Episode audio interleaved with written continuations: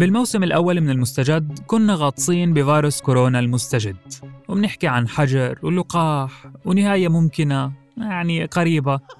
هذا كان بأيار 2020 بالموسم الثاني حكينا بلكي لو غيرنا الموضوع بيختفي الفيروس.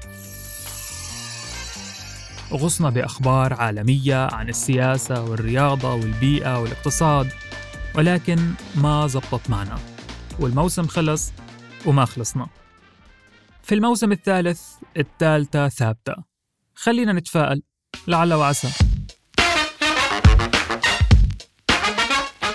رح نحكي عن مواضيع متنوعة من الشرق والغرب عن الأخبار والقصص اللي وراها.